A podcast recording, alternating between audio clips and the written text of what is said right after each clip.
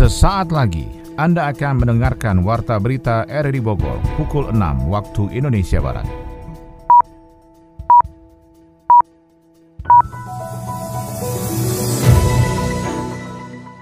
Selamat pagi, salam jumpa. Kami hadir kembali dalam Warta Berita edisi hari ini, Sabtu 12 Agustus 2023. Informasi ini juga turut disiarkan melalui audio streaming lewat RRI Play dan juga disiarkan lewat Radio Tegak Beriman Kabupaten Bogor, Jawa Barat dan Anda bisa akses di Spotify RRI Bogor. Berita utama pagi ini adalah KPU Kota Bogor memverifikasi 795 bakal calon legislatif yang akan mengikuti tahapan pembentukan daftar caleg sementara DCS. Sejumlah kasus narkoba terus mendominasi berbagai perkara pidana di Kejaksaan Negeri Kota Depok. Saya Maulana Sarro, inilah Warta Berita selengkapnya.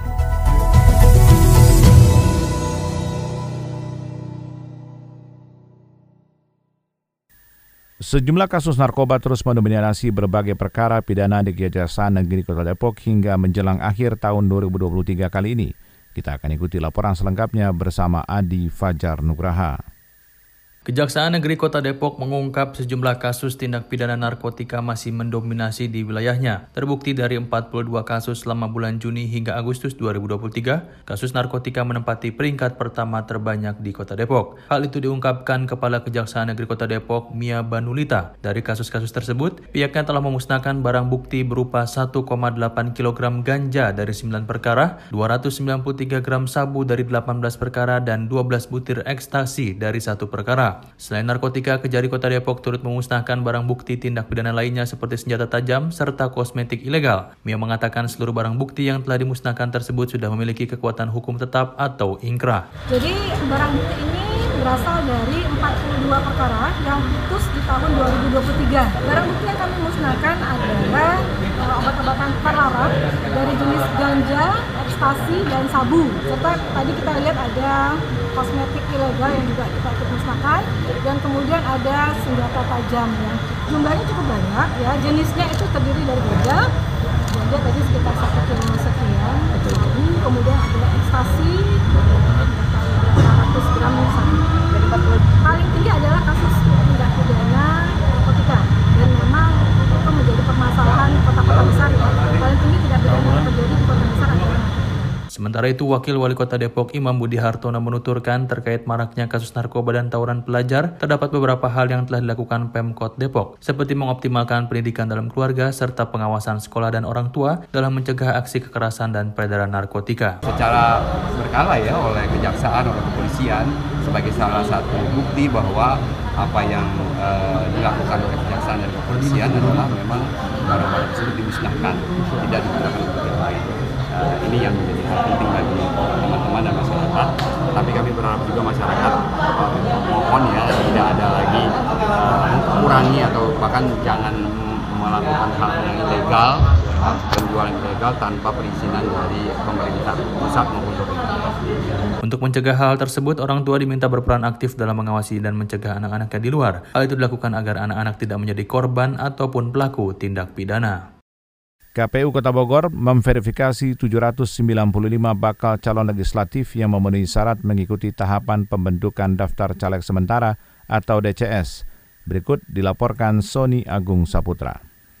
Proses pembentukan nama-nama daftar caleg sementara terus berlangsung dari KPU Kota Bogor. Saat ini berdasarkan tahapan memang sudah selesai untuk perbaikan bakal calon legislatif yang didaftarkan oleh partai politik. Ketua KPU Kota Bogor Samsudin menjelaskan sejak awal pihaknya menerima sebanyak 833 bakal calon legislatif yang terdaftar. Kemudian berdasarkan verifikasi maka terdapat 795 bakal calon legislatif yang ternyata memenuhi syarat mengikuti tahapan pembentukan daftar caleg sementara atau DCS. Dari jumlah tersebut, partai politik sudah melakukan perbaikan daftar caleg sementara dengan adanya kemungkinan berpindah daerah pemilihan dapil atau nomor urut yang berakhir tanggal 11 Agustus.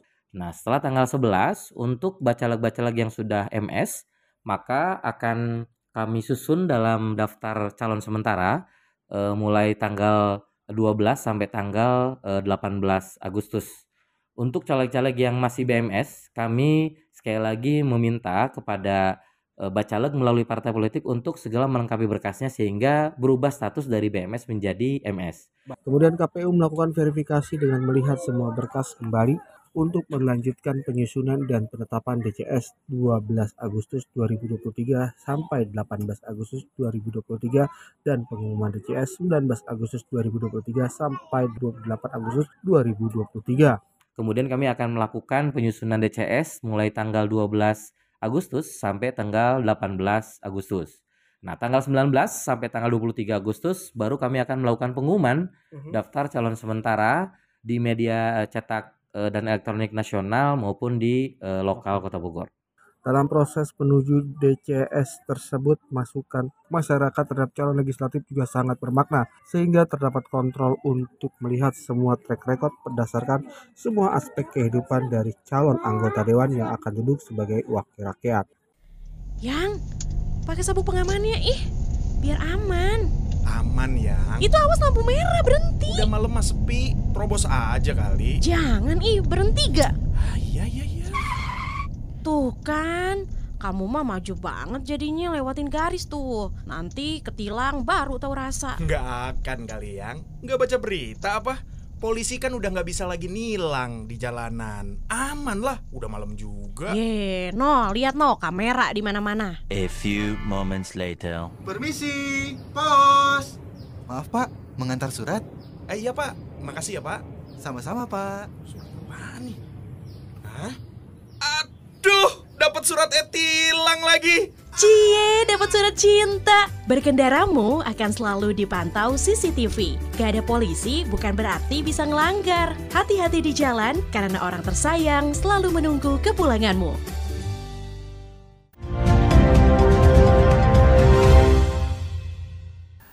Pasca diresmikan, Kementerian PUPR akan segera melanjutkan Tol Bocimi Seksi 3 yang ditargetkan selesai pada tahun 2024. Adi Fajar Nugraha melaporkan. Kementerian Pekerjaan Umum dan Perumahan Rakyat PUPR optimis pembangunan tol Bogor Ciawi Sukabumi atau Bocimi Seksi 3 ruas Cibadak Sukabumi Barat dapat rampung pada akhir tahun 2024. Menteri PUPR Basuki Hadi Mulyono mengatakan, pembebasan lahan untuk seksi 3 tersebut sudah mencapai lebih dari 86 persen. Basuki menjelaskan apabila pembangunan ruas Cibadak Sukabumi rampung, maka mampu mengatasi kemacetan yang kerap terjadi di pasar Cibadak. Selain itu Basuki juga menyebut jembatan Cikertak Bogor juga akan segera selesai sebagai jalan penghubung wilayah Bogor dan Sukabumi. Ini kan tadi kan uh, sampai ke ruas Gombong Cibadak. Gombong Cibadak yang 11,9 kilo. Ke sananya lagi nanti sampai ke Sukabumi Barat panjang 15 kilometer. 15 km itu yang kami targetkan sampai 2024 Insya Allah uh, keuangannya juga sudah. Oh itu sudah sudah diperbaiki. Dari kecil udah. Ya, cepatnya pasti pasti cepatnya mas. Belum hujan ini pasti harus sudah kalau yang ini sudah 86 persen. Yang dari uh, Cibadak sampai ke Sukabumi Barat itu pembebasan lahannya sudah 86 persen dan ini sudah diteruskan lagi. Jadi ntar lagi sudah 100 persen saat ini tol Bocimi ruas Cigombong Parung Kuda masih berlaku tarif gratis. Hal tersebut disampaikan Kepala Badan Pengatur Jalan Tol BPJT Miftahul Munir. Ia mengatakan tarif gratis tersebut berlaku hingga tanggal 18 Agustus 2023 atau selama dua minggu pasca diresmikan pada 4 Agustus 2023.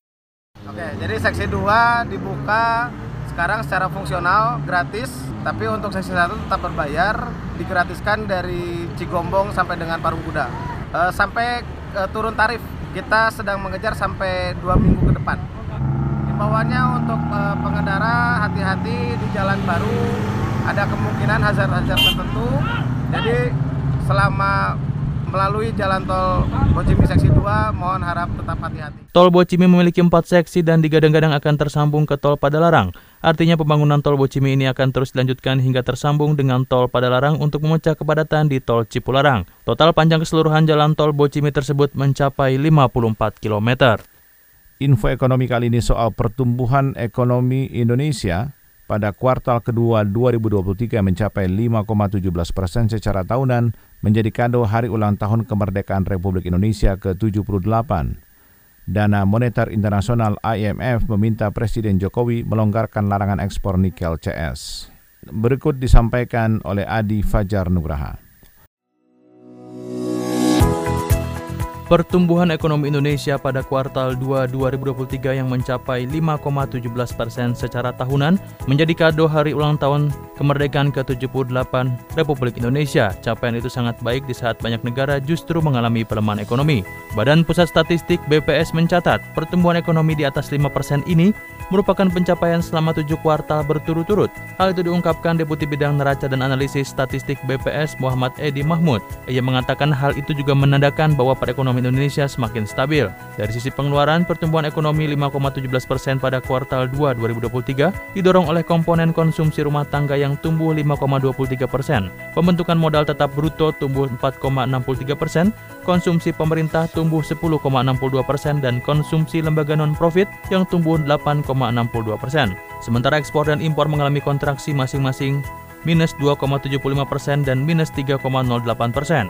Sementara itu Menteri Keuangan Sri Mulyani berpandangan bahwa ekonomi Indonesia sangat luar biasa. Pertumbuhan ekonomi Indonesia pada kuartal 2 2023 lebih baik dari Singapura yang sebesar 0,7 persen, Amerika Serikat 2,4 persen, Filipina 4,3 persen, Vietnam 4,14 persen, dan bahkan Jerman masih mengalami kontraksi. Sementara Purchasing Manager Index Manufaktur Indonesia juga konsisten ekspansif, di mana pada Juli 2023 berada di level 53,3. Angka ini naik 0,8 poin dari Juni 2023 yang berada di level 52,5. Menq menilai situasi ini sangat tidak biasa atau langka karena berbagai indikator perekonomian Indonesia mulai pulih di saat banyak negara masih dihadapkan pada pelemahan.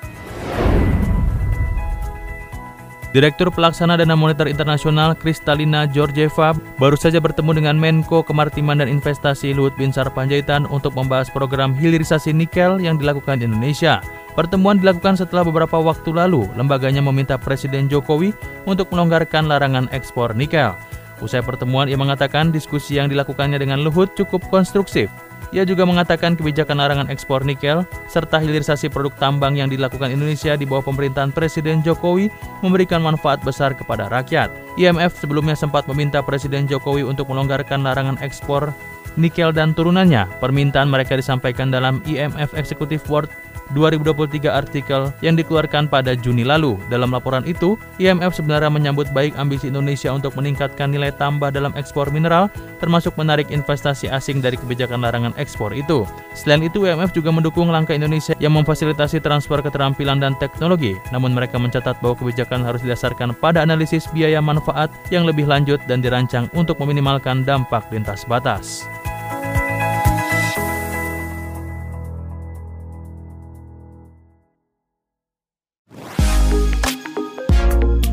Indonesia merupakan negara yang menjadikan UMKM sebagai penopang ekonomi utama, ditandai dengan jumlahnya yang mencapai 99% persen dari total usaha yang ada di Indonesia. Dengan jumlah itu, UMKM mampu menyerap 97% persen tenaga kerja Indonesia. Selama pandemi COVID-19, UMKM Indonesia menjadi penopang terbesar untuk mempertahankan neraca ekonomi agar tidak tenggelam dalam defisit.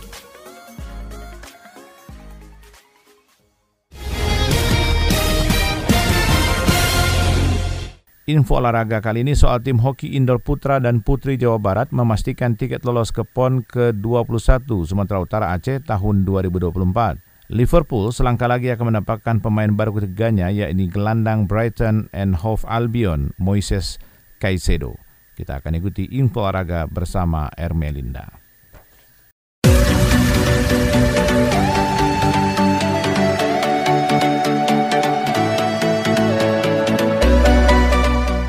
Prestasi sangat fantastis diraih tim hoki indoor putra dan putri Jawa Barat yang memastikan tiket lolos ke PON Sumut Aceh tahun 2024.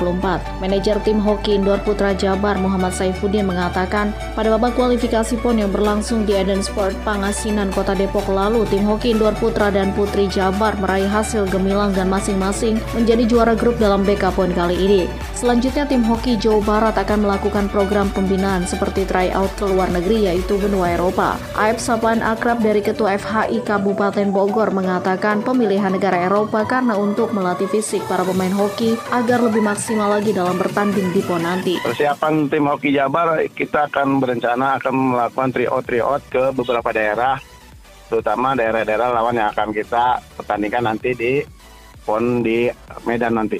Satu tim indoor putra itu 12 orang dan putri 12 orang jadi 24 orang untuk tim indoors Kalau untuk tim outdoor itu 18 orang, Raputri. Oke. Kita Oh. mengirimkan semua. Betul betul. Rencana kita juga ada tur Eropa juga untuk tim BK Jabar. Betul. Kita kan berusaha semaksimal mungkin untuk bagaimana daya tahan atlet terhadap eh, serang-serang lawan secara luar negeri kan berbeda dengan di kita. Artinya kita akan lebih memperkuat tim hoki Jawa Barat di kancah Eropa itu nanti. Aep menyampaikan sebelumnya dalam BK PON, kendati berada dalam grup yang keras, tim hoki indoor putra Jabar mampu tampil gemilang dan meraih semua kemenangan sebanyak enam kali. Sementara itu, Ono pelatih hoki Kabupaten Bogor yang juga dipercayakan sebagai pelatih untuk indoor putri Jawa Barat mengatakan persiapannya jelang PON 2024 di Aceh Sumut. Menurut Ono akan ada latihan secara umum dan khusus demi meningkatkan seluruh teknik permainan nantinya. Ya biasanya kalau untuk Jawa Barat sendiri kurang lebih di satu tahun persiapannya dari mulai tahap persiapan umum, khusus, pra pertandingan sampai nanti puncaknya pada saat PON di 2024. Kalau tidak salah September kalau tidak salah. Nah, kebetulan rest dulu untuk indoor kemarin pulang dari Depok itu beres kualifikasi mereka pulang dulu dan beberapa orang terpanggil untuk persiapan Asian Games di tim nasional. Di Jabar sendiri nanti tunggu tunggu kabar berikutnya program dari KONE dimulai bulan apa gitu. Yang pasti semua tim pelatih maupun atlet siap untuk uh, persiapan menuju PON 2024. Ketua Umum Pengprov Federasi Hoki Indonesia Jabar, Syahrir mengaku sangat bangga dengan prestasi yang diraih oleh tim hoki indoor putra dan putri Jabar yang memastikan tiket ke PON Sumut Aceh. Ia berharap capaian pada BK PON kali ini akan menjadi motivasi semua pemain hoki indoor putra dan putri Jabar untuk meraih hasil gemilang di PON mendatang. Liverpool selangkah lagi akan mendapat pemain baru ketiganya musim panas ini. Ia adalah gelandang Brighton dan Hove Albion Moises Caicedo. Dikutip dari The Athletic, Liverpool menyalip Chelsea yang sudah lama mengincar Caicedo tapi tak kunjung menemui titik temu dengan Brighton terkait harga si pemain. Selain itu, Liverpool juga digantung oleh Southampton yang menolak tiga kali tawaran untuk Romelu Lavia. Tawaran terakhir Chelsea sebesar 80 juta pound plus bonus ditolak mentah-mentah. Sementara Liverpool langsung memberikan tawaran 110 juta pound atau sekitar 2,12 triliun rupiah. Kehadiran Saicedo menuntaskan pencarian Liverpool untuk posisi gelandang bertahan setelah ditinggal Fabinho dan juga Jordan Henderson. Saicedo menjadi pemain baru ketiga Liverpool setelah Alexis McAllister dan juga Dominic.